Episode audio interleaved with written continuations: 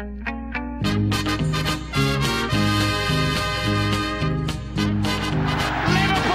are champions of Europe again. Liverpool are prize winners again. Liverpool is in the record books.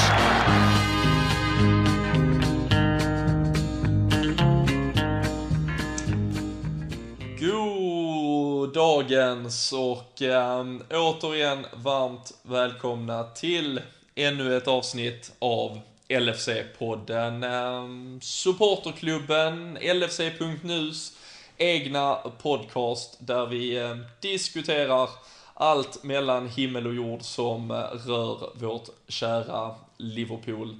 Vi eh, har ehm, som numera nästan i vanlig ordning två stycken sponsorer med oss. Det ena gänget är en eh, långkörare i form av bättreodds.se som eh, erbjuder speltips inom eh, all sport med stort fokus på fotboll och eh, kör just nu eh, Tipparnas kamp där tre experter då fightas om titeln den bästa experten. Och eh, där finns ju möjlighet att eh, ta rygg på massa experttips men också att vinna lite priser genom att utmana dessa. Och eh, där kommer även under hösten dyka upp chansen till att vinna två matchbiljetter till Liverpool-Chelsea den 12 mars. Så eh, håll utkik på betrodds.se, besök dem för lite speltips och som sagt eh, chansen att vinna en resa kommer att dyka upp där under säsongen. Eh, våra andra sponsorer idag, det är några nya bekantskaper, men till och med nära vänner till mig själv personligen. Anfieldtravel.se en resebyrå som eh, verkligen tar hand om sina supportrar och alla som är intresserade av att åka till Liverpool. Eh, ni hittar dem på anfieldtravel.se, all information där. Niklas och Peter som driver det superbra killar som eh, ser till att ni får en superupplevelse om ni åker till eh, Anfield. Så eh, där har ni dagens sponsorer och med det och att Robin Fredriksson välter sin, sin kaffekopp eller någonting så, så sparkar vi igång här. Och, och det är bara du och jag idag Robin. Ja, tyvärr. Lite... vad ska vi göra liksom? Fredrik Eidefors skulle jobba och Viktor Fagerström, han hade gått och blivit magsjuk och vi, vi vill inte riskera någonting. Ja, vi vill inte bli smittade. eller något. Nej, det, lite så. Eller vad var Han behövde sova ut kanske. Just Ja, det. jag sa att han var lite trött. Ja. Nej, vi får väl ha överseende med det. Det kan ju också vara en, eh, en, en stor dos av eh, aggression och besvikelse som, eh, som är, befinner sig i kroppen annars. Ehm, vi sitter här nu, tre dagar efter Manchester United-Liverpool. Ehm, jag personligen var, var jäkligt peppad inför matchen och framförallt när, när startelvan kom, även om, ja, där fanns kanske ett visst frågetecken kring, kring backlinjen. Vi fortsatte med Dejan Lovren, vi kan säkert komma in på det, men uh, Danny Ings, Firmino, det, på något sätt kändes det... Det blev ju lite det vi hade snackat fram. Ja, vi- det här med, med två anfallare på ja, på pappret. Till och med Sky-experterna plocka, plocka fram och ställa upp en snygg diamant, men, eh, men sen blev det bara pannkaka. Ja, det där var en...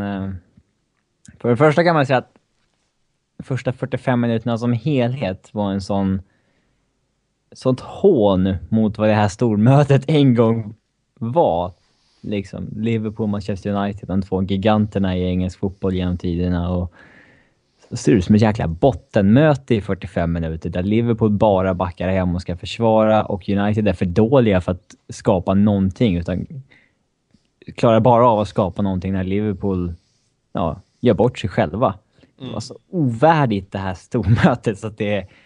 Ja, Ja men det var ju det och det var, det var så, så otroligt märkligt och jag vet att jag satt här inför denna matchen och liksom använde det här Arsenal, eh, Emirates-matchen som så mycket liksom exempel för framförallt det här med ha Lukas Lever, ha attackerande liksom löpstarka mittfältare i form av en, en Milner, en Emre Can. Men alltså pressspel fanns ju, alltså det fanns ju inte tillstymmelse till det utan istället så hade vi ja, Nej, vi agerade ju som att det var Bayern München borta. Vi skulle liksom Ja, och inte ens, vi kände inte ens dem på pulsen första fem liksom, utan vi bara föll rakt ner i, i skyttegroparna liksom. Det var ju, det var faktiskt ett, det var nej, provocerande illa att se oss med noll ambition om att ta tag i matchen själva är liksom för, förrän de hade gjort 1-0 i princip. Och eh, eh, alltså United är inte så bra att vi ska åka dit och liksom försvara med 11 man, slå lite långbollar på en ensam Benteke som ska försöka döda lite tid.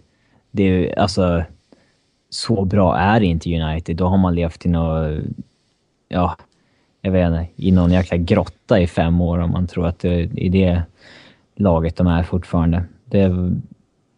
Nej, det var riktigt, riktigt trist att se att vi gick ut med den med den eh, ja, taktiken. Att, eh, och, fan, Och det och så, ja. Ja, och det, och det är ju verkligen som du säger, det, det hade väl kanske funnits någonting om man hade känt att jävlar vad, vad Manchester är liksom bra just nu. Nu är det snarare ett, ett United som har varit minst lika ostabila i stort sett som oss, har absolut inte varit kreativa framåt, har haft ja, väldigt mycket problem egentligen med att själv skapa några direkta chanser. Nu hade de dessutom en Wayne Rooney borta och spelade då alltså utan egentligen en, en direkt striker och, och, och ändå det som, och det pratade vi också om förra veckan, liksom att, att ge mittfältet massa tid med bollen är kanske det enda som verkligen United brukar kunna utnyttja och, och istället är det liksom exakt det vi gör.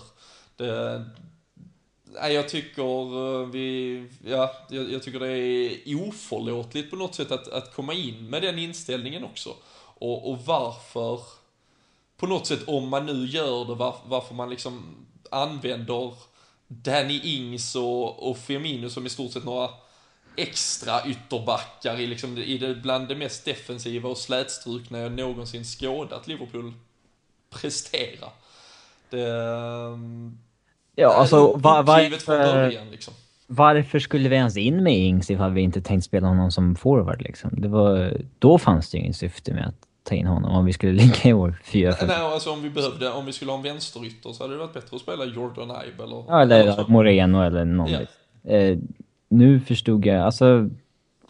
Alltså man var väl rätt nöjd när elvan kom liksom. Alla vet väl att jag hade helst sett en annan backlinje, men liksom... eh, Den främre delen var, såg ut som... Ja men det såg, såg väl ut som vi hade hoppats på lite Det kändes inte, med, med, med Henderson och Coutinho borta så kändes det ju som att det var faktiskt våra starkaste sex spelare om man säger så i, i den ändan. Men, ehm, Men det var ju liksom... Laget vi ställde ut hade, hade haft alla chanser att vinna den matchen, men vi... Vårt eget fel när vi liksom... Sen även ifall det hade blivit 0-0 vi hade spelat som första 45 hela matchen, då hade det hade inte varit bra ändå. Alltså... Det hade, det, då hade det bara varit en slump att det inte blivit 1-0 eller 2-0 till United. Då liksom, man, man kan inte spela sådär i, i 90 minuter. Och får man med sig en poäng då så är det fan, det är bara, bara flyt vanligtvis. Eh, så bra är inte United alltså. Det, det var riktigt, riktigt trist att se och det, det var egentligen Mattias fråga innan det small. Och sen att det kom en fast situation var väl ännu tristare. Eh, och speciellt när det var så uppenbart att liksom så, fan, alla ser att de kommer göra en variant här. mm, ja, det var, en, det var ett öppet hav Daley Blind fick där ungefär. Ja, det var inget kul. Men, eh, men, men vad tror du att det, det kommer? Vi, jag har visserligen, eh, alltså på något sätt, jag har ju, jag var, jag var ju väldigt besviken med fjolårets prestationer mot storlagen där vi kom och trodde att vi skulle liksom spela någon, någon alldeles för öppen attackfotboll och, och då fick vi istället stor däng. Eh, är det någon rädsla från, från det eller är det från liksom förlusten mot West Ham, känna vikten av att bara plocka en, en viktig poäng eller eh, var det rent av liksom brist på idéer i stort sett och, och försöka bara gneta? Jag tror väl att man överskattar hur bra United var och gick dit med ambitionen om att ja, alltså, kryssa till sig en poäng. Och det... Ja, så bra är inte United, så det tycker jag var eh, riktigt trist att se. Ehm, eh, men... Eh, jag ser väl hellre att vi... Alltså det är skillnad på att göra en defensiv insats, en bra defensiv insats och en dålig defensiv insats. Som vi spelade där så, det hade, så kan man inte spela 90 minuter tror jag att man ska få med sig ett, ett kryss. Eh, men... Eh, Nej, det, alltså, jag hade ju hellre sett att vi gick för det eftersom United, de, de är fan inte bra just nu liksom. Vad fan. Eh, och sen ärligt talat så, vad fan, vi har ju inte... Vi har ju inte... Vi har ju inte pusselbitarna för att liksom parkera bussen på något sätt. Vi har inte... Vi har ingen defensivt slipad manager för att göra det. Vi har inte de defensiva pusselbitarna för att göra det heller. Eh, nej, det var en, en dålig idé. Ja, och det som blir, alltså, där, där det blir så, så extremt fel i slutändan, det är lite som dels, dels eftersom United inte är extremt bra offensivt och sätter något, för det är ju heller inget extremt tryck de, de genererar i första halvlek, så det var ju samtidigt inte riktigt några ytor att, att straffa dem på, för de var ju ganska nöjda med att bara lulla runt på vår planhalva Ja. och, och invänta, så istället blev det liksom det, vi, vi hade ju spelat inte ett försvarsspel på något sätt som bjöd in till att vi sen skulle kunna skapa lägen för kontring heller. Och när vi väl hade boll själv så, så lyckades vi ju i stort sett liksom ge, ge bort den gång på gång på gång och även i, i försvaret vid flera tillfällen eh, i stort sett ställa till det mer när, när vi var bollförande än, än när vi var försvarande. Um, så det var, nej det var, det var ju på det hela taget oerhört um, märkligt kändes det som att vi, att vi kom så passivt. Uh, och uh, återigen, vi har varit inne på det förr, men, men Brendan Rodgers har, nu har han väl provat alla idéer liksom. Han har, han har provat spela fotboll på alla möjliga sätt och nu är det, nu är han inne på bussparkering och det, Ja, det, det är ju det sist, är alltså, det, det är ju sist, alltså vi har sagt att han, det har varit eh, tiki-taka och det har varit kontringsfotboll och nu, vad det här var Ja, det där har vi ju snackat om massa gånger av att han har ju... Han verkar helt ha glömt vad som tog honom till Liverpool från början. Att han hade en extremt uttalad filosofi om bollinnehav och sånt där. Och, eh, nu har han ju testat på allt möjligt så att han är ju egentligen... vad ska- Jag vet inte vad ska man säga? Att han... Han vet inte vad han själv ska stå för längre. Och, så att... Eh, Nej, Nej. och, och, och så, återigen så den säsongen fort och det är där tycker jag det blir nästan ex, extremt märkligt när, när vi vet att den här Suarez Sturridge diamantsäsongen det är det bästa vi någonsin har presterat. Och säga vad man vill om kvaliteten på spelarna som, som är, med all respekt är något lägre nu. Men att inte åtminstone försöka kanske ta tillvara på en, en taktisk grund som man trots allt hade som verkligen fungerade. Uh, med ett pressspel och vi, vi hade liksom två anfallare, vi satte liksom press uppåt i banan. Um, du har en Dan Ing som är, säga vad man vill om han som fotbollsspelare, liksom en rivig typ som absolut kan vara där uppe och ligga. Du har en Firmino som i en nummer 10-roll vad alla i hela världen har sett är klart bättre än vad han någonsin kommer bli som någon form av wingback i stort sett. Så det, alltså det, är, det är ju det här liksom materialslöseriet som han, som han driver på nu. Um, gör det ju än mer märkligt. Det är ju på något sätt om du tvingas in i en, en viss formation för att du känner att du saknar spelarna. Men nu känns det ju snarare som att han väljer en formation som inte ens passar det, ja, det, Alltså det problemet när, man, problemet när man ändrar sig från match till match med hur man ska spela är ju att du helt plötsligt...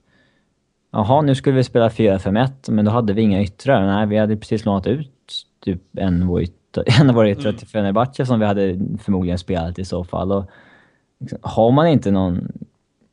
Alltså det är jäkligt konstigt att ta beslut om vilka spelare som ska in och ut och så vidare om man inte har någon plan för hur de ska användas. Och, och så vidare. Eh, som vi sagt förut flera gånger också, men alltså, ja. Det börjar bli tröttsamt liksom. Ja, ja faktiskt. Um, sen tycker jag egentligen, eh, det är ju kanske på tal om något annat, men jag tycker diskussionen har blivit lite skev här i efterhand också. Nu hörde jag att du nämnde 4-5-1, men, men annars att många har liksom nu får han sluta spela 4-3-3. Vi, Det är bara för Carragher sa att det var Ja, fel. ja, men vi har ju, det är ju absolut inte en fyra, utan det är ju det här vi har spelat sen egentligen även gjorde mot Stoke borta, 4-1, 4-1 med, med de här egentligen ganska kreativa offensiva Ja, yttrarna. vi började ju med Men det redan på försäsongen egentligen. Men vi har ju tvingat ner dem i liksom klassisk yttermittfältsroll där de, ja, de kommer runt och slå inlägg är ungefär vad de kan försöka åstadkomma. Så det är ju, det är ju en otroligt isolerad Christian Benteke på topp. Ja, alltså jag tycker inte man... Det är svårt att skylla något på han. Han gör ju... Han får väl ett eh, eller två lägen och han gör mål på ett av dem och sen... Eh, eh, vad fan ska han göra? De slår lite långbollar på honom liksom. Och man var ju lite rädd för det när han kom att... Eh, att det skulle bli att de liksom slog långt på honom. Och det har de väl fallit in lite i. Och det lät inte bra, det som han ville att de skulle göra det, men att det blir så enkelt att göra det. Alltså det är ett sån, eh, vad ska man säga, en så enkel väg ur. Att, att ja, men vi slår en lång på Benteke liksom. Eh, men liksom, ja. Ja, men och, och, det, och fine, alltså det är klart vi kan på något sätt, alltså han är ju en, han är ju en bra, han är ju en bra spelare i, med de kvaliteterna, men, men ska du på allvar utnyttja honom måste han ju ha spelare runt sig också. Alltså det, det lyckades liksom till och med Aston Villa lista ut och, och hade liksom löpstarka spelare som Agbon Lahore och, och Weimann runt om honom. Uh, men uh, Nej, det, det, där är, eh, det, där är ju många frågetecken och vi, vi ska väl, vi, vi har väl tyvärr ställt, ställt oss många av de här frågorna tidigare men eh, följer man de sociala medierna så, så verkar eh, ja, måttet vara rågat för ganska många efter den här matchen.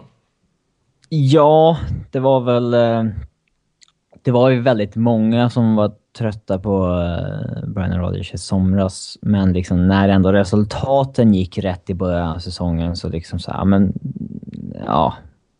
Vi ger väl det ett tag till liksom.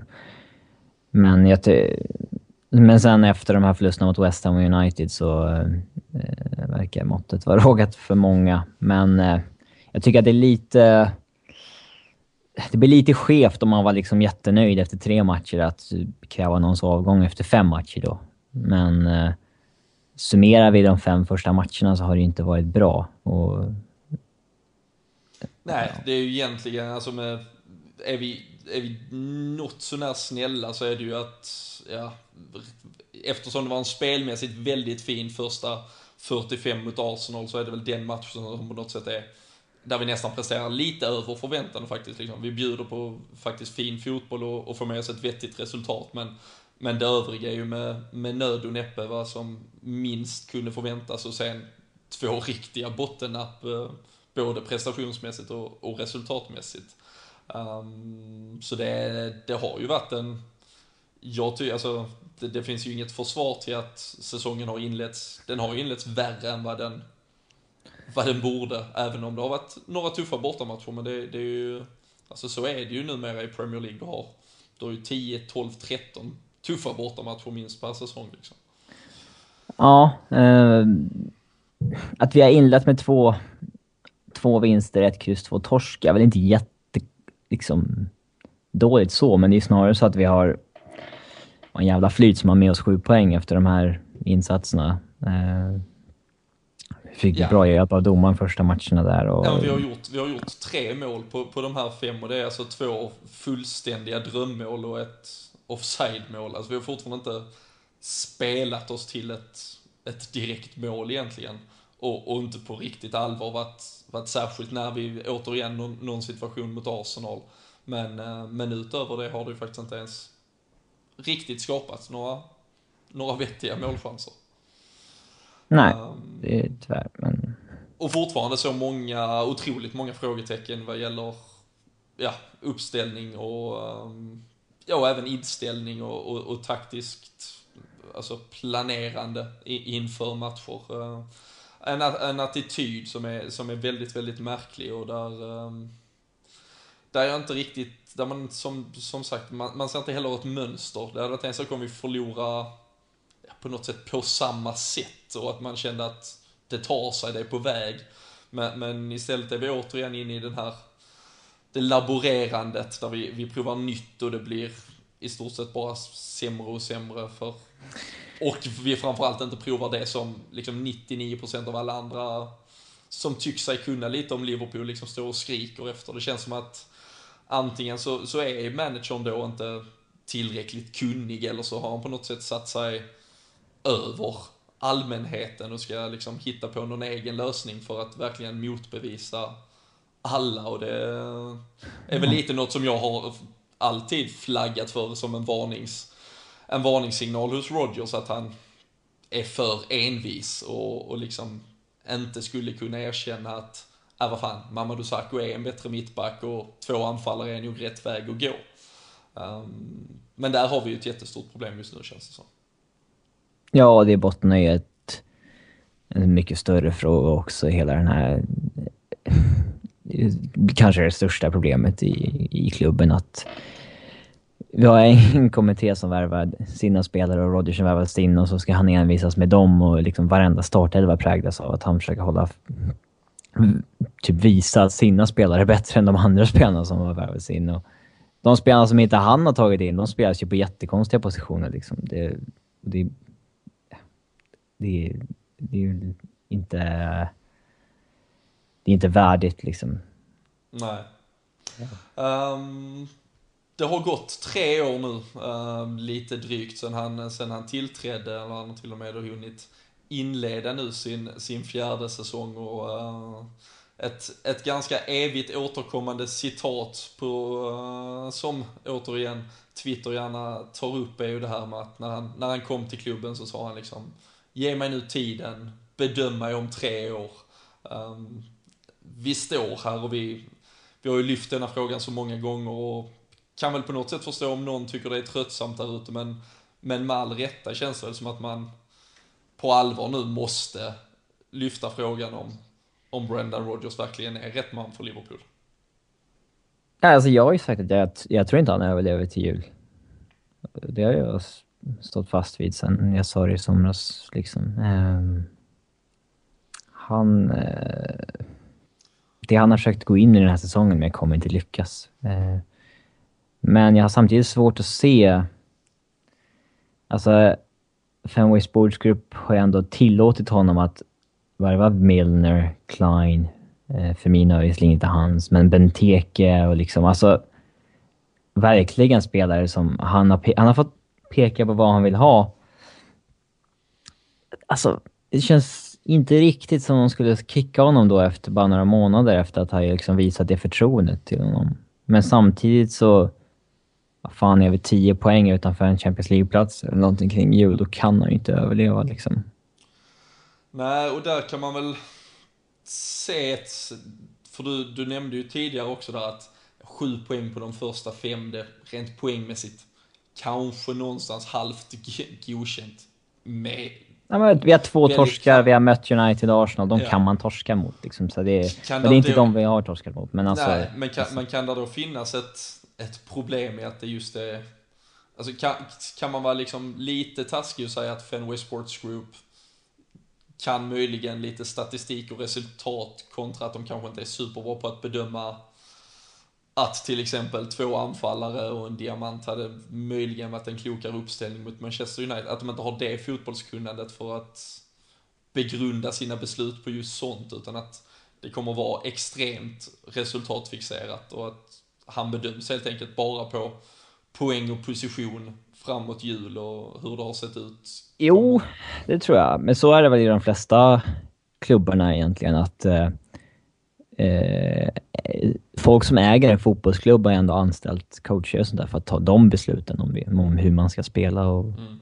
Så att eh, de tror ju inte att de kan bättre än Rodgers om liksom, det fotbollstaktiska. I så fall hade ju de inte anställt honom. Eh, så att... Eh, nej, han kommer väl bedömas på liksom resultat och...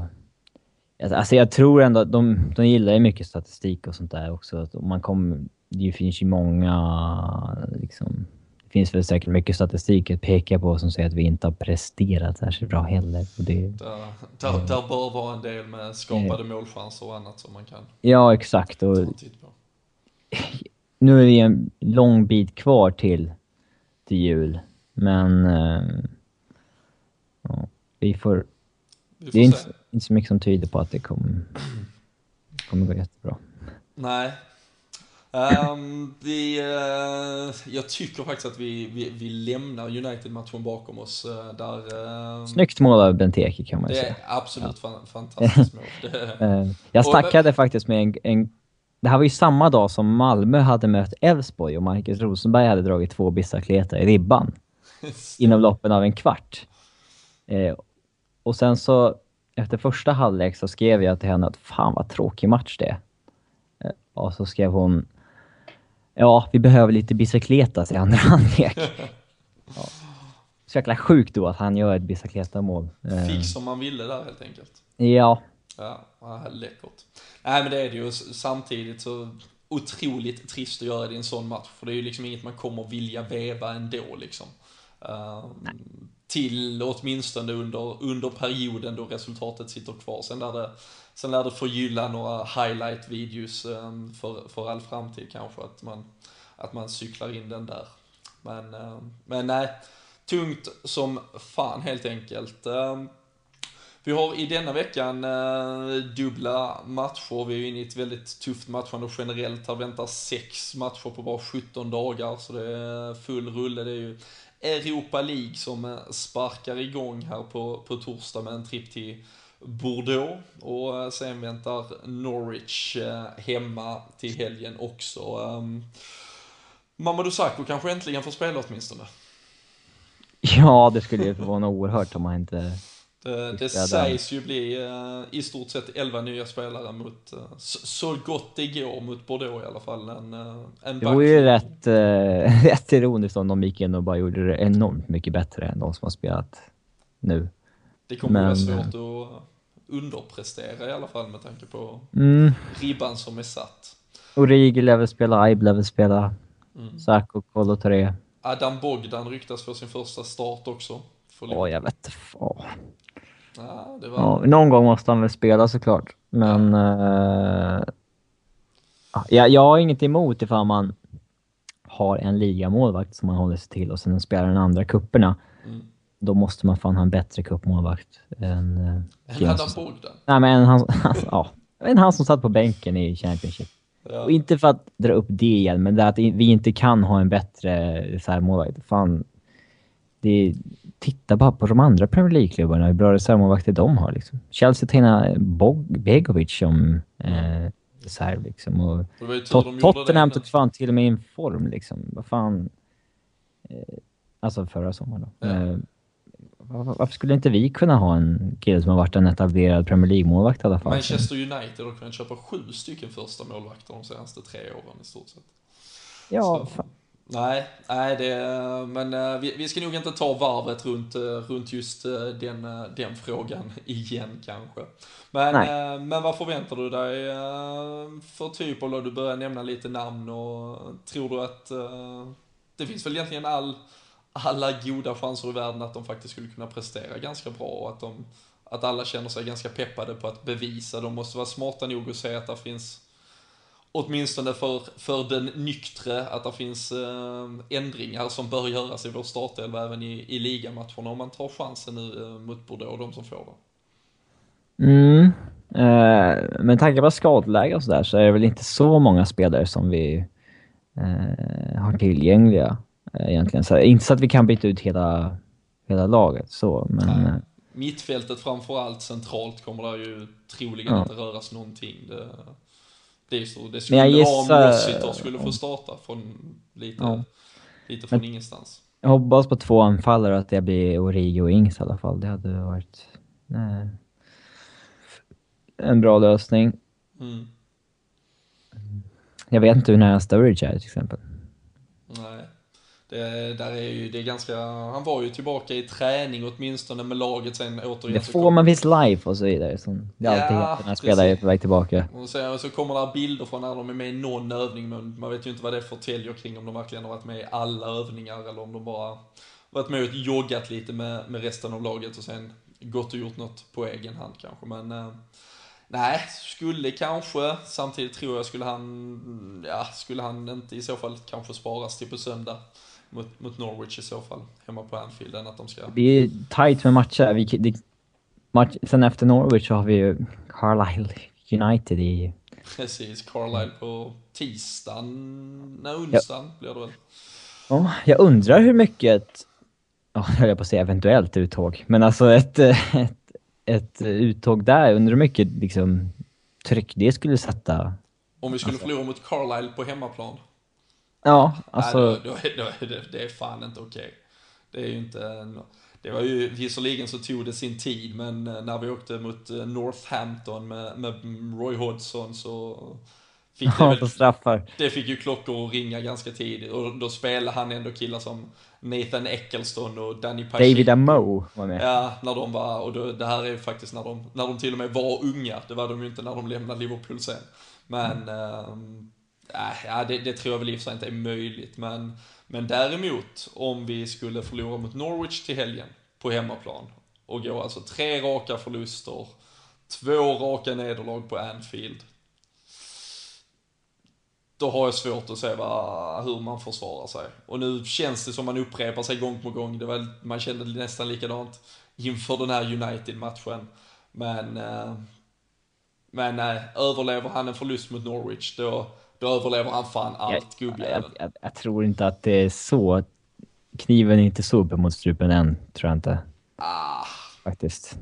nej. In, inte så här tidigt på säsongen när, när man har spenderat så mycket pengar i sommar. Alltså det kan ju absolut ske med, med halva säsongen kvar så man ändå har tid att rätta upp det och sådär. Men alltså så här tidigt, när man, det, det tror jag inte. Men det som är, fast det, och där blir det ju fel att säga så här tidigt på säsongen tycker jag, för det, alltså Ja, men har man tagit beslutet i sommar att behålla honom, då skickar Men man inte han honom har efter... ju inget sparkapital. Alltså det hade ju varit, alltså José Mourinho får ju lov att inleda skit med Chelsea denna säsongen. Han, Ja, där är var det väl liksom- inte ens något beslut om att han skulle vara kvar eller inte i... i... Nej men liksom, han är ju, han är en mästare, han har gjort allt för den klubb. Men liksom, Brendan Rodgers har ju fortfarande liksom inte åstadkommit något med Liverpool. Och nu är han återigen ute och famlar och inte vet vad han ska göra av klubben denna säsongen. Det, det, det är... Jag, jag tror inte att man tar... Man tar inte beslutet att behålla honom sen inom... Alltså, minst tio matcher. Nej. Det är, nej, antagligen är det ju inte så. Men, men samtidigt tycker jag det, det är farligt att vänta för länge. Alltså det... det, det Ja, alltså inte efter nyår om vi ligger... Det, det hoppas jag inte. Alltså... Ja. Det är ju samtidigt lite fel att sitta och snacka om när vi ska Ja. sparka Rodgers. Ja, det, det, det, Får är ju... Det, ja, men det, ja, och det är återigen där, det kan vi väl... eh, Det är mer en fråga om när än om. Liksom. Det börjar bli så... Ja, tyvärr är det ju det och det, det kan väl kännas... Vi, vi, kan väl vi kan väl ursäkta om folk tycker att man är, man är väldigt negativ, men det är samtidigt inget... Det, och det är väl det enda vi kan vara lite stolta över på något. Det är inget vi har hittat på just nu, att vi är tveksamma till, till Brendan Rodgers. Det har inte bara med Manchester United-matchen att göra, utan... ehm, Sen påverkar ju såklart att en viss Jürgen Klopp typ skriker efter jobbet via tysk media. Det är ju... Ja, och att han Alltså- finns tillgänglig. Det kommer ju vara en tidsfråga hur länge han finns tillgänglig. Det är som att han står med en megafon och skriker att han vill till det. Alltså, han säger ju öppet att han, nej jag vill inte ta en, ett riktigt topplag, men så här en stor klubb som har fallit lite, det vore lagom. Så här, så här. det, så, ja. Nej, och där, eh, och det, det var jag ju själv det skrev jag också på, på Twitter, från, alltså att om vi, om vi inte ens har förhört oss kring hans situation, så är det på något sätt också på när ett, tjänstefel av, av FSG. Tycker ju jag åtminstone. Det, Jag vet, inte, jag vet inte hur det fungerar riktigt sådär med, med liksom, hur man agerar med olika, liksom, om man kontaktar någon eh, före man har liksom Ja men det måste, alltså driver du, det själv, driver du en seriös verksamhet, du, du sparkar ju inte en VD utan att sen bara shit, vem fan ska vi ha som VD? Utan visst, Nej, men liksom det, det får vara tisseltassel, det får ju ske alltså ba- bakom lyckta dörrar och eh, utan Brendan Rodgers medvetande, det ska inte han veta någonting om, men självklart måste Fe- Fenway liksom ha en, Om man planerar att sparka honom ja, så är det ju... Det är inte så att man ska stå...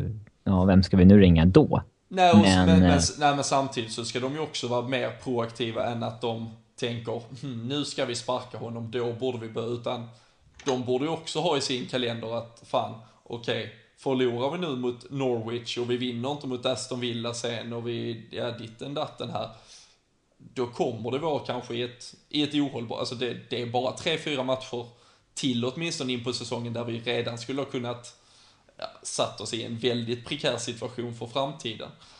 Och då kan du inte heller stå där och oj, plötsligt har Jörgen Klopp fått ett jobb någon annanstans och nu är vi sugna här på att sparka vår tränare, utan driver du en så pass Alltså han har ju sagt att han ska, verksamhet. han har ju sagt att han ska ta ett sabbatsår så att han... Ja, men och återigen, det är my- mycket möjligt och det är kanske är det han ska, men då hoppas jag att Liverpool åtminstone har Vilka andra jobb är det som skulle kunna bli tillgängliga för honom liksom innan nyår egentligen? Det skulle väl teoretiskt kunna vara om Chelsea motförbundet skulle liksom fortsätta gå åt skogen. Um, och, Han har ju sagt att han inte vill ha den typen av jobb, men det kan ju ändras. Precis, alltså kommer, kommer budet. Um, annars vad jag har hört så var det ju Zenit, var det ju en del snack om. Att uh, Vias Boas skulle få, få gå därifrån. Uh, det känns väl också lite som ett långskott. Och sen var det inte vår egen Fredrik Eidefors som skrev att han skulle bli holländsk förbundskapten, tyckte jag också. Att han, att han var ute och flaggade. Ja, det känns inte heller så Bytte inte de i somras? Jo, men då, det har ju gått fullständigt ur Typ två matcher till eller någonting. Men Ja. Men eh, nej, jag, eh, än så, men det är återigen, än så länge är det inget, men allt kan ju hända på, på nå- några matcher liksom. Så är det plötsligt någon som, någon som står där. Ett, ett Juventus kanske inte alls kommer att få ordning på någonting. Eh, nej, det är många som sagt varför skulle Klopp vilja jobba under en transferkommitté, eh, till exempel. Men det är ju det han vill jobba under. Han vill ju, tvärtom mot Rodgers, vill ju inte han ha kontroll över transfers. Han vill ju jobba under en, alltså en sportchef, har han sagt. Men sen huruvida det är en sportchef eller en kommitté, det är liksom, det är väl egentligen inte avgörande. Men hur, och det är så jäkla omodernt det här med England, att, att en manager ha kontroll över transfers. Det är liksom så jäkla 70-tal. Fotbollen är så mycket större idag. Du kan inte ha en, en manager som har liksom full kontroll över transfers. Eh, eller vill ha full kontroll över transfers framför allt. Eh, det är ingen... Det är ingen bra idé. Nej, och, och sen samtidigt så är jag ju... Där hoppas jag väl kanske också att, att Fenway till viss del har lärt sig någonting att inför en, en eventuell förändring i ledarstaben, att man, att man kanske sätter sig ner och, och liksom utvärderar hela upplägget och att man kanske mer pinpointar dels en manager som själv vill jobba i det här, men att man också kanske strukturerar upp det så man får det funktionellt, vilket det inte har varit under de två, tre senaste åren. Det har varit, vi har lagt så mycket pengar i sjön på att det har, alltså, de måste ju själv också kunnat se och följa den här maktkampen. Det måste ju finnas folk som har liksom vädrat sina åsikter kring, kring detta här att Rogers faktiskt Frågan är, spelar de eh, här spelarna. Frågan är vilka de tror är boven i det hela. Det är, jag har ju egentligen inga problem med någon av värvningarna som vi typ, ja, inofficiellt vet att kommittén har gjort. Liksom.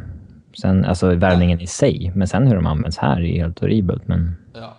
eh, ja. Men, eh, men nej. Och eh, jag kommer ihåg, var det i slutet av förra säsongen eller var det i somras när vi körde en liten Twitter-omröstning ganska snabbt innan ett avsnitt om folk ville ha Klopp eller Rodgers. Och då var det ju, fan det var 70-80% som fortfarande backar Brendan Rodgers på den, på den Jag tror att det var i slutet på förra säsongen där. Eh, Mm, tror också det. Eh, men det var in, jag tror att det var innan vi dippade sista fem, sex ma- alltså och torskade där uh, stort mot Stoke och så vidare. Men Det var väl i samband med att Klopp helt enkelt... Var han gick ju skit i, Ja, i Dortmund då, ska jag säga. Alltså det, det är ju så, flavor of the day liksom. vad tror du om vi hade frågat idag? Klopp eller Rodgers? Jag tror att 90, 96, 97 procent hade svarat Klopp kanske. Ja. Nej, det, känslan är ju absolut så och att eh, hela, hela, hela havets eh, stormar har, har vänt Tyvärr. Och um, nej, Brendan Rodgers har inte... Um, och, och återigen visst, det, det är inget att... De här problemen han hade tidigare, han, han gjorde ändringarna i sin stab. Och, och det verkar inte heller ha liksom gett någon, någon effekt på något, fått in någon ytterligare taktisk dimension utan um, vi verkar stå ganska ha, liksom håglösa och, och vi gjorde ju inte direkt något som radikalt förändrar vår insats på Old Trafford under, under matchens gång heller sen när det, ja, när det var på väg att gå åt skogen. Och, och när vi gör 2-1 så gör vi ett Hur... eh, än mer typiskt Liverpool att inte ens lyckas liksom bara, ja, försvara och etablera ett tryck sen de sista, utan då, Hur, eh, alltså ett, ett debacle i Europa League, hur mycket skulle du lägga, liksom, eh, hur mycket vikt skulle du lägga vid det? Alltså personligen, själv? det är ju, alltså som så nu, som säger, jag, jag, hade ju helst inte gett han ens hela Europa League-gruppspelet, men eh, skulle vi bara titta på att vi förlorar mot Bordeaux till exempel på torsdag så, så skulle det väl vara återigen ganska avgörande vilket, vilket lag vi kommer med och vad vi, vad vi presterar. Men skulle han liksom åka dit med, med, med ett starkt lag för att typ bevisa att nu ska vi jävlar i det vinna en match och de, och de går ut lika förvirrade, passiva och märkligt taktiskt uppställda. Då, alltså, då är ju såklart då väger det lika tungt som, som Premier League-nederlag. Um, och um, nej, alltså det, det är ju trots allt fortfarande en, en biljett in i Champions League om man skulle vinna Europa League och, och det låter möjligen Lång väg dit, men alltså, ja, alltså ändå... det är ju ett enormt långskott, men tittar du samtidigt på vilka, på pappret, det berömda, och tittar vilka lag som är med och vilka spelare och vår trupp kontra konkurrenters där, så är, bör det finnas. Absolut, ta oss vidare från gruppen i alla Ja, fall. och, det, och, och när Sen vi får man kommer, se. Precis. Där är, visst, där är 10-12 lag som, som absolut är på vår nivå och däromkring. Um, vissa som dessutom har både spelare och framförallt ledare som har, som har en helt annan erfarenhet av kuppspel och, och Brendan har ju aldrig riktigt bevisat sig som eh, ja, en taktisk manager när det kommer till de här direkt avgörande matcherna. Eh, Det har vi också varit inne på förr. Ehm, Att det oftast tyvärr träffar fel där. Men, ehm, men nej, jag, men jag är rädd att det, det, skulle, det skulle nog med all sannolikhet kunna bli respass redan i, redan i gruppen. Om, alltså, vi kan mycket väl förlora på torsdag. Eh, Kazan borta kommer vara ett helvete för vem som helst. Eh, varken Kazan eller Bordeaux hemma skulle jag räkna in som några säkra segrar. Sion har jag ingen koll på. Eh, men, Och då har ju Kiese så att där kan Ja. man inte räkna in någonting heller. Men de eh, lyckades ju fighta sig till 2-2 mot Paris i, i fredags. Så det, det hade jag väl inte riktigt kunnat se Liverpool klara. Ja, de, fran de franska lagen är bra, liksom. det, det är inget snack om saken. Så De som tar sig ut i Europa, där är, de är bra. Nej, det, vi, eh, vi, får, vi får se vad det blir av det. Ehm, du sa Divock Origi, Ings på topp, uh, möjligen ett nytt uh, mittbackspar i, i Mamadou Sakho och Kolo Touré kanske. Uh, Sen blir det väl tillbaks med Skertel, eh, Lovren mot Norwich och sen så får Sako och Touré spela igen då i ligacupen, antar jag. Tror du att uh, Sakho skulle kunna spela sig in om han, om han gör det bra mot Bordeaux trots allt? Eller, uh, eller var det här Nej. trots allt att Lovren fick förnyat förtroende för West Ham? Var det liksom Alltså, det, nådastöten? det som krävs för att Sako ska komma in är väl snarare att Lovren gör bort sig något enormt. Alltså, det, det, det går ju inte riktigt att... Alltså möter du Bordeaux med Liverpool, hur mycket, vad kan du göra som mittback för att eh, liksom verkligen visa... Det är inte som att han är anfallare liksom och kan göra fyra kassar. Han har ju snarare kanske allting att förlora om Ja, minsta misstag hamnar ju på hans minuskonto liksom. Det där är en match där man ska spela av och ta liksom. Ja. Nu kom han in helt i ur matchform eftersom han inte ens fick spela med landslaget. Eh, Nej vi, eh, vi får se där. Um, återigen, trots allt den absolut viktigaste väntar ju sen uh, på söndag. Tror du vi um, får se några förändringar? Adam Lallana sägs vara tillbaka i full träning helt och hållet. Jordan Henderson däremot med, med klart större problem än vad först befarades och fått åka till specialister i, ehm, i USA för att försöka få rätsida med sina bekymmer. Um, tror du han mixtrar om någonting mot Norwich eller eh, fortsätter vi med den passiva uppställningen med en isolerad Christian Benteke och något sådant samma namn? Alltså nu när man tittar på lag, vårt lag vi har eh, efter att liksom vi har lånat ut Markovic och Balotelli och så vidare så vi har fan inte så mycket bredd kvar. Eh, så att vi har inte så mycket eh, alternativ egentligen. Eh, nej, jag tror att det blir, det blir lite samma stuk som senaste matcherna. Coutinho kommer väl in istället för Ja, Danny Ings och så blir det ja, Coutinho, Firmino på varsin kant Ja. eller någonstans djupt, långt ifrån Christian Benteke.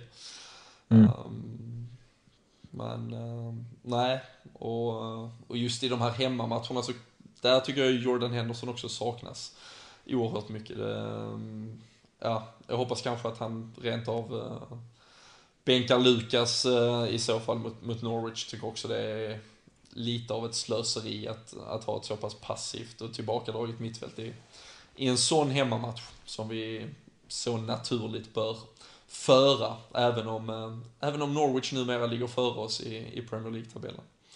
Så, um, ja, något, uh, något lite mer offensivt. Jag hade väl kanske hoppats att vi kunde spela en diamant, jag säger det igen, diamant, diamant, diamant, uh, med Chan, Milner, Coutinho, Firmino och uh, sen Benteke, Ja. Ings på topp.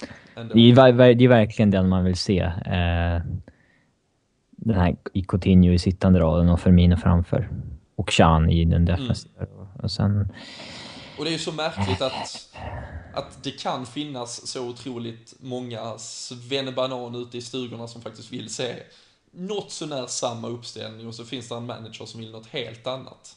Det, det känns inte som att det ofta i en klubb är alltså, så stor skillnad mellan vad fansen vill och vad, vad man, alltså, vi sitter trots allt och ser samma matcher vecka ut vecka in och visst, han kan Ja, fram, framförallt när det är så liksom... Eh, liksom så här, vad fan ska du spela med yttrar? Vad fan har du lånat ut en av våra yttrar för? Liksom? Så att vi måste spela en forward som ytter. Liksom. Då borde du inte lånat ut honom. Liksom. Så det, det är så, så uppenbara grejer liksom. Eh, Ja. Nej, det, vi, eh, vi får se vad det blir av det. Jag, eh, jag tror väl eh, trots allt att vi... Jag tror att Brendan Rodgers kommer leva, leva farligt om det... Ja, det ska i stort sett vara två vinster nu denna veckan och annars kommer... Annars kommer det vara mycket vatten på många möllor där ute och då, det, ja, någonstans kommer det ju det mynna ut i att liksom FSG måste lyssna på opinionen också, hur starka de än, än vill vara. Men eh, Bordeaux-matchen parkerar vi lite åt sidan, men vad, vad tror du om Norwich-matchen då? Lyckas vi eh, vända trenden och, och plocka en, en trepoängare trots allt, eller? eh? Ja, jag, jag tror vi vinner, men att det är en, en, dålig vinst. Alltså, vi, kommer inte, liksom, vi kommer inte visa något bra tecken på att det, det här kommer lyfta eller så, utan men i grund och botten har vi bättre spelare så att vi kommer vinna matchen. Mm. Typ sån, sån seger, tror jag på. Typ 1-0. Ja, något sånt. Ja, Eller nej, inte, inte nollan. Men eh, ja, 2-1 eller något. 2-1. Eh, ja, nej, undertecknad får väl eh, också ta på sig någon form av uh, optimisthatt och, och säga 1-0 eh, mot Norwich. Uh, tror väl, jag, tror näst, jag tror det är större chans att vi håller nollan uh, ändå än att, vi, än att vi gör två mål. Jag vet inte riktigt hur vi ska, ska lyckas skapa det, åtminstone om vi fortsätter på, på inslagen väg. Men eh, Hur känner du kring backlinjen förresten? Är det så här, håll fast vid det du har sagt nu och stå vid de här killarna, eller hoppas du att han vänder upp och ner på vänstra halvan där också? Eller? Ja, men jag tycker, alltså, där, där vet jag inte om, där, där har jag väl inte riktigt följt opinionen och hur det ser ut, men jag tycker, jag tycker ju offensiven är ett, ett större problem än defensiven trots allt. Um, kan, kanske låter tufft när vi har släppt in sex baljor på två matcher nu här, men uh, Men att vi inte skapar någonting framåt, att vi har en, att vi har en så oerhört, att vi är så fel uppställda rent formationsmässigt, att vi har en så passiv inställning till matcherna, att vi, att vi inte har någon rörelse, några löpningar, några idéer. Det bekymrar och irriterar mig mer än sakfrågan Mamadou Sakho, Dejan Lovren. Ehm, sen hoppas jag också att nu mot Norwich hemma att vi får se en Alberto Moreno som där Joe Gomez visar liksom väldigt, väldigt tydligt mot West Ham att i en spelförande match så, så är han inte tillräckligt bra för att kunna prestera framåt. Um, men jag, jag, hade ju, jag hade ju också på känn att det skulle bli Gomez och Lovren mot United och när jag ändå såg de andra namnen så, så kändes det på något sätt viktigare tyckte jag och sen så slutade det helt enkelt med att det, ja, den offensiva fullständigt, ja, hjärndödheten egentligen äh, irriterar mig mer än äh, ja, de direkta och konkreta namnen som startar i backlinjen. Äh, men och det är väl kanske lite delat där ute i stugorna också tycker jag, vad man, vad man ser att folk stör sig mest på just nu i alla fall. Mm. Men um, Norwich har vi avverkat i så fall och, och 2-1 säger du, 1-0 säger jag i så fall och... Uh, Fagerström hälsar 4-0. Som vanligt såklart. uh, hade Luis Suarez spelat hade det varit ett uh, garanterat hattrick. Vi får se om någon kan, uh, någon kan ta vid där. Men vill ni själv vara med och tippa så, så kommer det under veckan dyka upp vår tipptävling som vanligt via Twitter. Vi, vi hade ju en matchtröja i potten senast som gick ut till Peter Lundqvist. Um, stort grattis till, till honom. Um, faktiskt en av ganska många som hade tippat 3-1 till United. Um, så det var ganska många det var många som gjorde det. Deprimerande och negativa människor inför, inför matchstart där som, uh, som fick rätt. Men, uh, men uh, herr Lundqvist var, var närmst på minuttipset.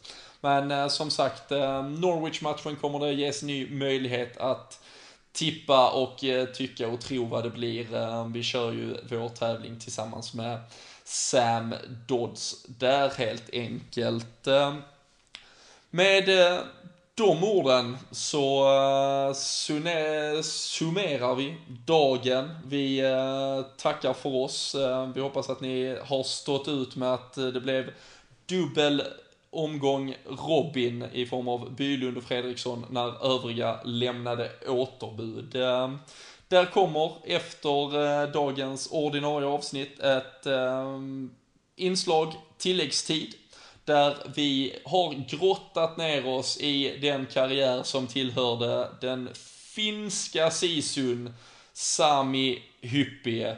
Och eh, vi körde också en tävling senast vi körde tilläggstid. Då var det Steve McManaman man kunde höra mer om och eh, då var det Johannes Sjö som eh, drog hem en eh, seger på 200 Sammy Coins, presentkort på Sam Dodds alltså, efter att han hade svarat på lite frågor. Ehm, så ehm, luta er tillbaka nu, lyssna på tilläggstid om Sami Hyppie och så hörs vi eh, igen om en vecka. Men eh, tills dess, ha det så bra.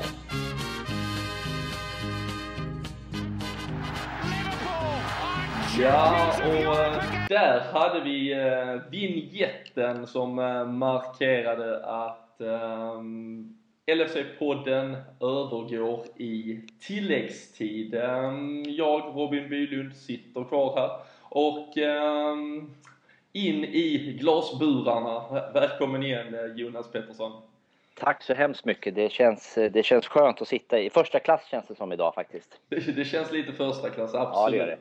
Vi, eh, vi har avverkat uh, två uh, avsnitt hittills. Uh, Kenny Dalglish börjar vi med. den personliga favoriten i Steve McManaman för din del. Senast yes. här för drygt två veckor sedan.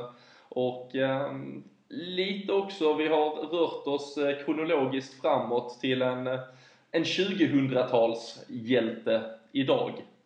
Ja, vi, vi, så är det. Vi, vi rör, vi, jag vet inte om det kommer vara en röd tråd för evigt att vi kommer röra oss i Det, det blir kronologisk ordning. svårt. Då är vi snart på Jordan Ive eller någon sån. Ja, och det är ju, då får vi börja prata om utlånade spelare och det vill vi ju inte göra. Vi vill ju prata om legender. Och det här, den mannen vi har valt idag är ju i min värld en, en legend.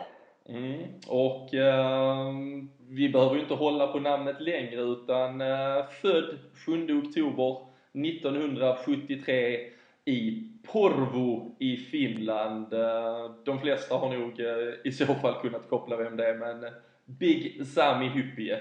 Precis. Och eh, nej, en fantastisk spelare för Liverpool och eh, en som ja, såklart är väldigt, väldigt välkänd för den, för den yngre generationen men li, lite av ändå en av de här sista, kan man väl säga, storspelarna som kom in på något sätt och, och blev en, klubbikon um, under, kom in i slutet av 90-talet och ja, var ju med och under Champions League-triumferna och eh, Ja, han har ju faktiskt... och han, han är ändå ganska eh, prydd med medaljer för att ändå tillhöra den nya generationen Liverpool. Man, Han har ett, ett, ett, ett, eh, prisskåp i Liverpool-mått mätt de sista 20 åren som är en FA, två FA-cuper, två ligacuper, en Champions League och en Uefa-cup och lite Charity Shield. Så att eh, han står sig ganska bra i, i, i hierarkin, i prisskåpshierarkin. Sannoliken. Och eh, han nämns ju också, eh, kanske inte på samma sätt i Sverige, men, men i England och bland scousers har han ju också fått ett, eh, liksom ett riktigt erkännande som en av de riktigt stora mittbackarna i klubbens historia till och med faktiskt. Så är det. Är det med alla. Alan Hansen, Mark Lawson och Carragher. Alla har liksom eh, sagt att Hyppie är ju är uppe där bland de, bland de största. Och det var väl till och med Hodgson som sa en av de få sakerna han gjorde bra i, i Liverpool var väl att han sa att han försökte ju ta tillbaks Hyppie efter han hade lämnat för att han tyckte att han var i samma andetag som Carragher och Gerrard, att han, han hade Liverpool i blodet. Så att, eh, nej, det är synd att han inte... Han var aktuell eventuellt för Rodgers som assisterande nu, gick väl lite rykten. Men vad synd att han inte kom. Det hade kanske behövts Mm, i dagens det- defensiva försvar vi har. Ja, det hade, det hade funnits eh, en och annan detalj för honom att titta på åtminstone. Men eh, befinner sig eh, nu istället i, i Schweiz, tränare för Zürich. Och, ehm, men vi hoppas väl och, och drömmer om den där återkomsten till Anfield en dag, trots allt. Um, förutom att han nämns som en av de absolut största mittbackarna så, så är det ju framförallt prislappen och fyndet i sig som han var som ofta eh, fyller lite spaltmeter när man eh, beskriver Sami Hyppi. Ett, eh, ett rån eh, mätt i dagens fotbollsekonomi. Eh, lite drygt 25 miljoner svenska kronor värvar vi honom för 1999. Han kom sen att stanna i 10 år och som sagt fylla ett sånt prisskåp som han ändå gjorde. Eh, ska vi ta tillbaka lite till, till när han kom och hur allt började? Ja, alltså det, det här är ju en historia i sig. Det är ju det är fantastiskt det här. Han, som sagt, 2,5 miljon pund. Eh, ett rån om du jämför med hur mycket vad han bidrog med, hur många år han var här. Men han upptäcktes alltså av en Robinson som var liksom chef, former chef i Liverpool då, fick ett tips. På sin, eller det kom in en kille på hans kontor, en, en kameraman som hade sett mycket, mycket fotboll i sina dagar. Och han visste att Liverpool var ute efter en, en, en stabil mittback för Ruddock och Phil Babb där som höll på.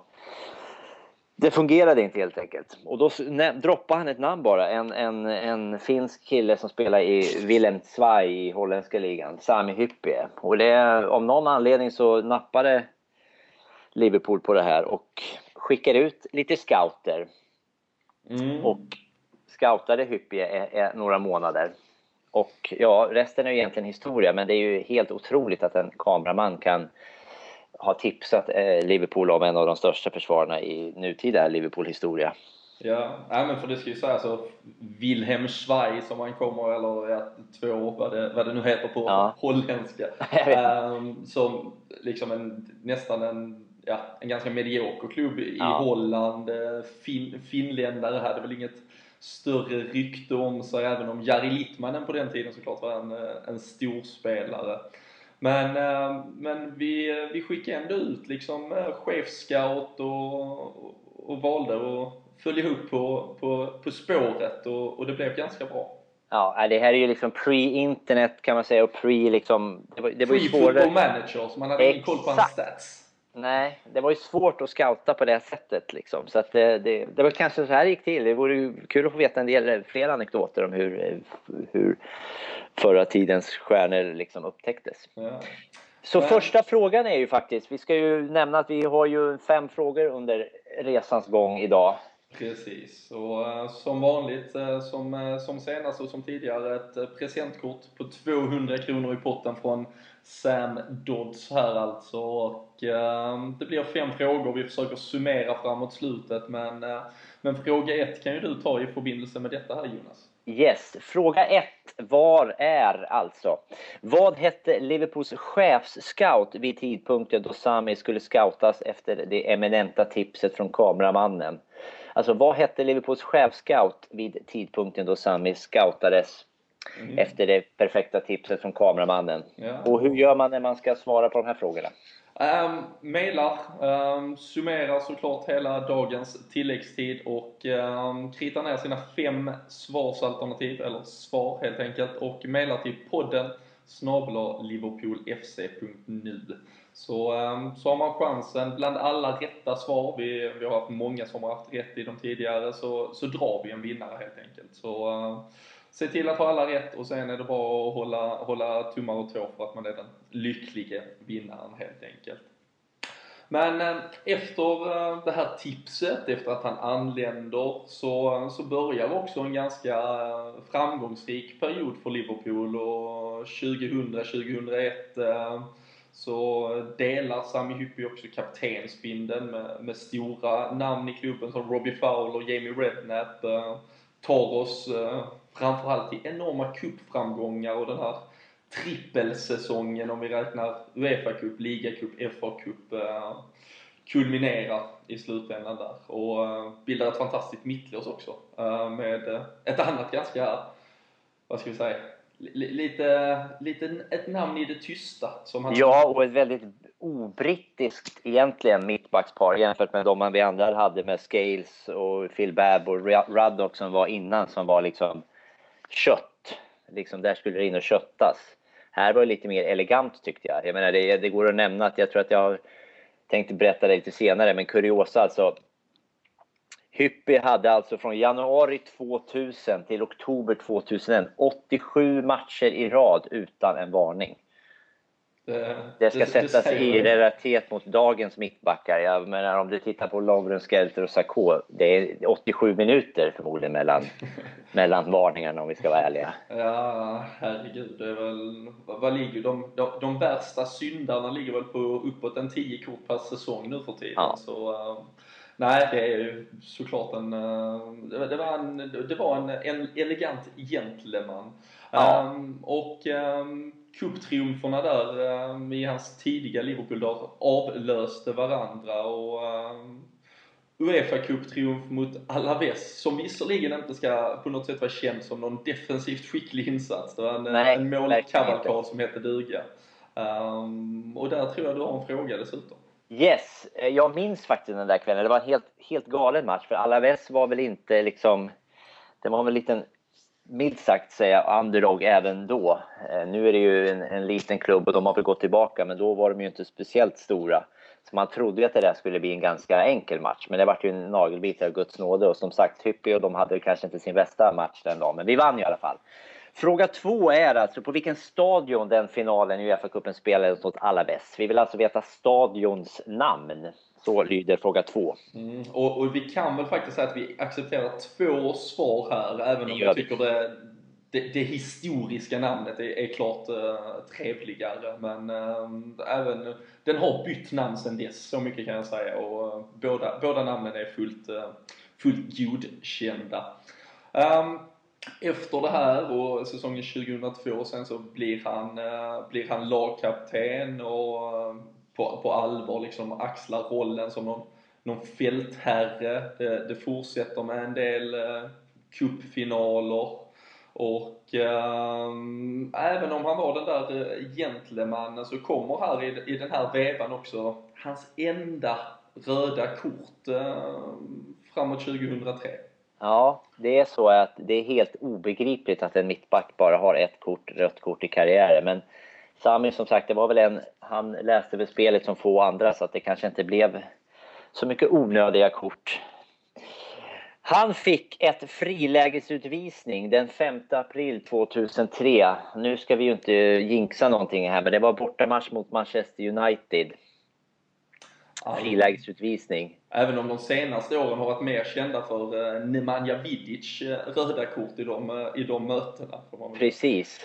Vi behöver veta, fråga nummer tre denna vecka lyder Vem var det Sami Hyppie fällde? Vem var det som åkte på en, en smäll så att Sami Hyppie åkte på en frilägesutvisning? Det vill vi ha svar på. Mm, hans, eh, hans enda kort, eh, eller röda kort i karriären helt enkelt. Några gula blev det, men eh, som sagt en, eh, en gentleman, en fältherre som, eh, som i stort sett ledde med sin närvaro bara ibland. Det behövdes inte så mycket att han, han behövde knappt vara inblandad alltid för att, för, för att prestera kändes det som. Nej, men det var så kul för jag minns ju matchen man såg när Carragher skrek och härjade och man vet, man, när man har varit på Anfield och även sett på TV, man har ju hört Carragher skrika medan Hyppie var så lugn och han hade, det såg ut som att han var liksom pappa över alla och hade full koll på saker och ting. Han bara övervakade hela tiden. Det så, nej, det, vi, vi saknar han djupt.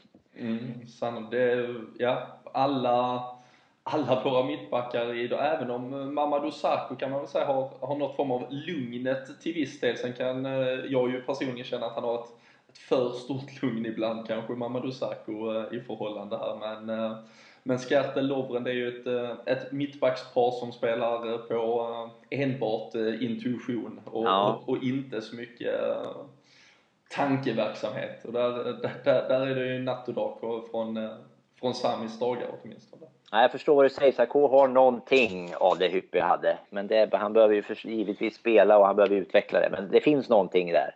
Det är sant.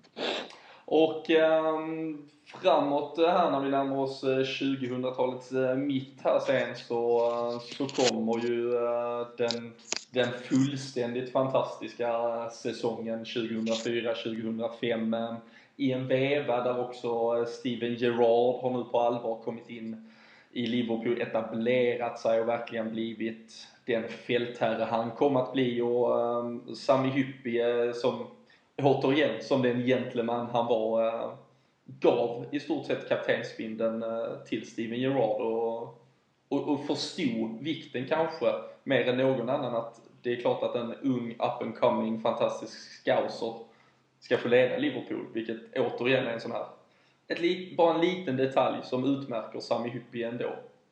Jag håller helt med dig. Alltså, han, det, det märks ju för att det var inga hard feelings eller någonting. Utan, och Gerard var ju väldigt ung på den tiden så att man, det skulle ju kunna bli lite debatt men det blev ingenting. Liksom. Det, det blev ett, ett, ett smidigt byte. Och Benitez som kom in ny han gjorde ju om Carragher från ytterback kan man väl säga. Han var, Carragher var väl i och för sig överallt men Sami fick ju en ny mittbackspartner i form av Carragher. Så att Benitez har ju en, en roll i det där också tycker jag. Mm. Och ehm, under hela säsongen där sen 2004-2005 så var det ju lite att eh, vad Benitez än tog i så blev det till guld vad gäller eh, taktisk eh, disposition över matcher och, och inställningar och formationer och hur, det, hur man nu ställde upp. Eh, Sami såklart en enorm bricka i det defensiva bygget men eh, kom även faktiskt att spela en ganska avgörande roll offensivt eh, på väg mot Istanbul. Ja, fråga fyra. Vi hade en magisk hemmamatch, kvartsfinal, den Champions League-triumfen, mot Juventus. Och om ni anfallare där ute som sitter och har Youtube framme, googla fram det så ska ni få se en vänstervolley välplacerad som vilken striker som helst. Men det var alltså Sami Hyppie som levererade, mittback som han var. Fråga fyra lyder, i vilken minut gjorde Sami Hyppie det där välplacerade vänstervolleymålet hemma mot Juventus i Champions League-kvartsfinalen säsongen 2004-2005? Alltså vilken minut? Vilken minut alltså.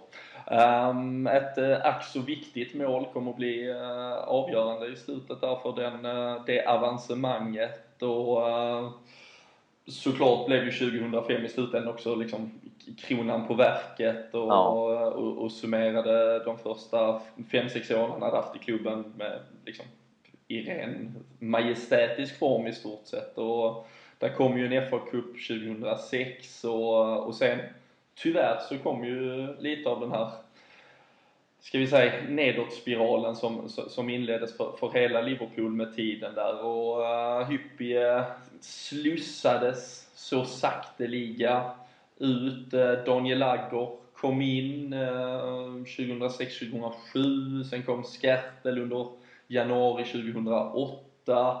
Um, det var en, en generationsväxling som, som skulle göras men man kan väl nästan faktiskt säga att Sami bet sig kvar längre än vad, vad tanken var på något sätt. För han, Ja. han fortsatte ju leverera igen, hela vägen in. Han fortsatte och det, menar, det har man ju läst av många spelare sagt att han, han eh, även, om han även om han eh, fick plats på bänken och kom in, för Agge var ju ganska skadedrabbad där ett tag, så gjorde han ju det med bravur. Han levererade ju varje gång.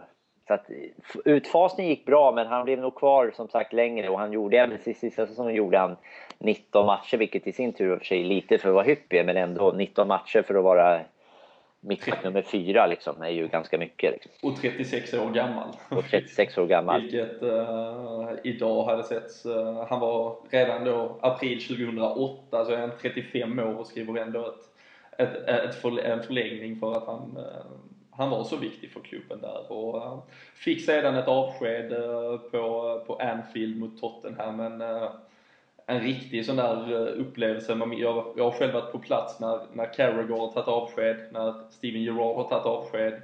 Men ehm, um, Hyppie-matchen såg jag på TV, men den, den ligger nog som på, på tredje plats eh, i, i form av avsked och, och avtackningar till spelare de senaste åren. Och det, det summerar ju lite av, av hans vikt också. Ja, jag såg faktiskt också den på TV och jag, jag minns ju att man satt ju hela matchen, i och med att den var ganska betydelselös, så satt man ju bara och väntade på att när fan ska Benitez stänga in honom? För han började ju som sagt på bänken. Och det dröjde ju eh, någonstans 90 80 där och så byttes ju Gerard ut och majestätiskt tog av sig kaptensbindeln och satte på Sami som kom in. Och det jublet som blev då var ju, ja det... Det glömmer ring- man det, inte. Det ringer än på, Ja, på nästan faktiskt.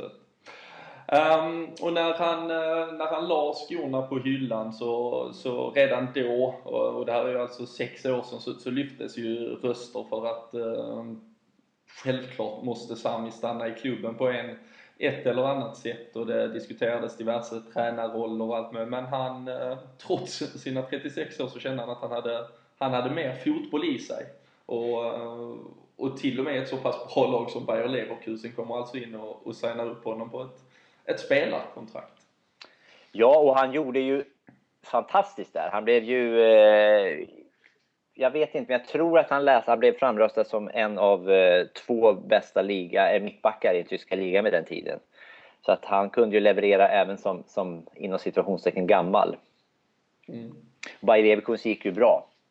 Ja, det är ju inget, det är liksom inte ett brödgäng att trappa ner i League One. Eh, Nej. Lex eh, Soul Campbell eller någonting, men eh, utan eh, Bundesliga som, som verkligen hade också exploderat här i, vid de här åren liksom och, och flera framgångsrika lag. Men, men sen, det blev en säsong som, som spelare, fullfjädrat och, och sen eh, lite naturligt kanske så, så skedde det förändringar i Leverkusen och, och då stod Sami där och redo att, att ta det där klivet in i, i managerrollen.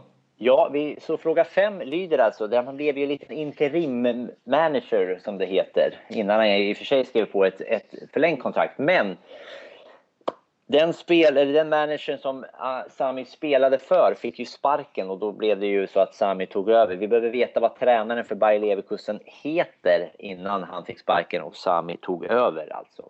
Vad heter tränaren för Bayer Leverkusen som sparkades och Sami tog över? Det är sista frågan och sista namnet vi vill ha. Mm. Då, eh, vi, kan ju, vi kan summera alla frågor här då eh, faktiskt innan vi, eh, innan vi avrundar Ja. Sami Hyppie sen och eh, som sagt, vill ni vara med och tävla, det är presentkort på 200 spänn från Sam Dodds som ligger i potten. Så eh, ska ni svara på fem frågor och mejla det till podden snabla liverpoolfc.nu. Och den första frågan är, vad hette Liverpools chefsscout vid tidpunkten då Sami Hyppie um, rekryterades till Liverpool helt enkelt. Um, och um, fråga två är på vilken arena som Uefa-cupfinalen mot Alaves spelades när Liverpool vann den här trippeln och um, som sagt två olika svarsalternativ ger vi rätt för där.